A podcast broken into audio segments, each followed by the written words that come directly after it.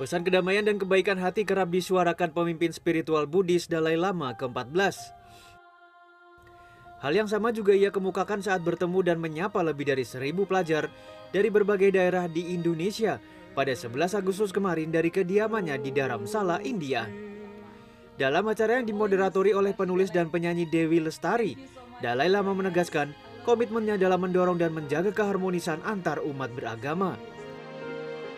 One of my commitment is promotion of religious harmony.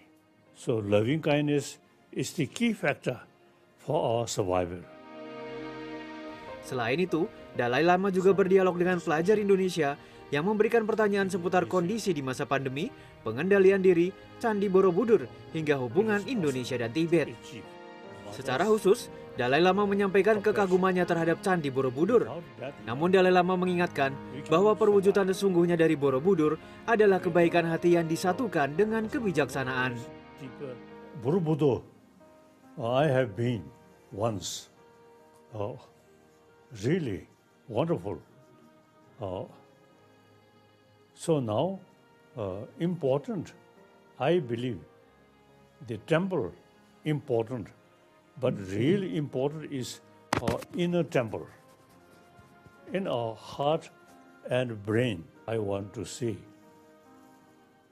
the real Borobudur within ourselves.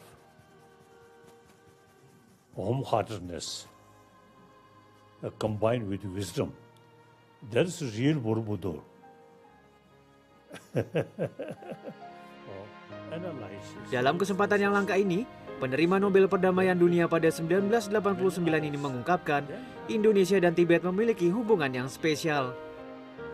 Lama Silingba, Dharma Kirti, hmm, one very close relation. Uh, that that great Lama from Indonesia, so because of that, some special connection.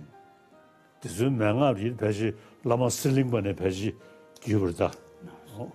So these uh, messages that you have heard now and uh, have um, actually come through, uh, I mean, from Master Selingpa Dharmakirti, who was an Indonesian master.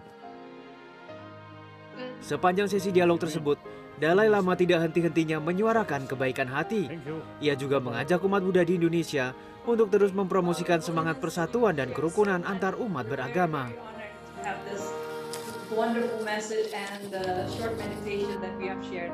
Thank you. Thank you. Thank you.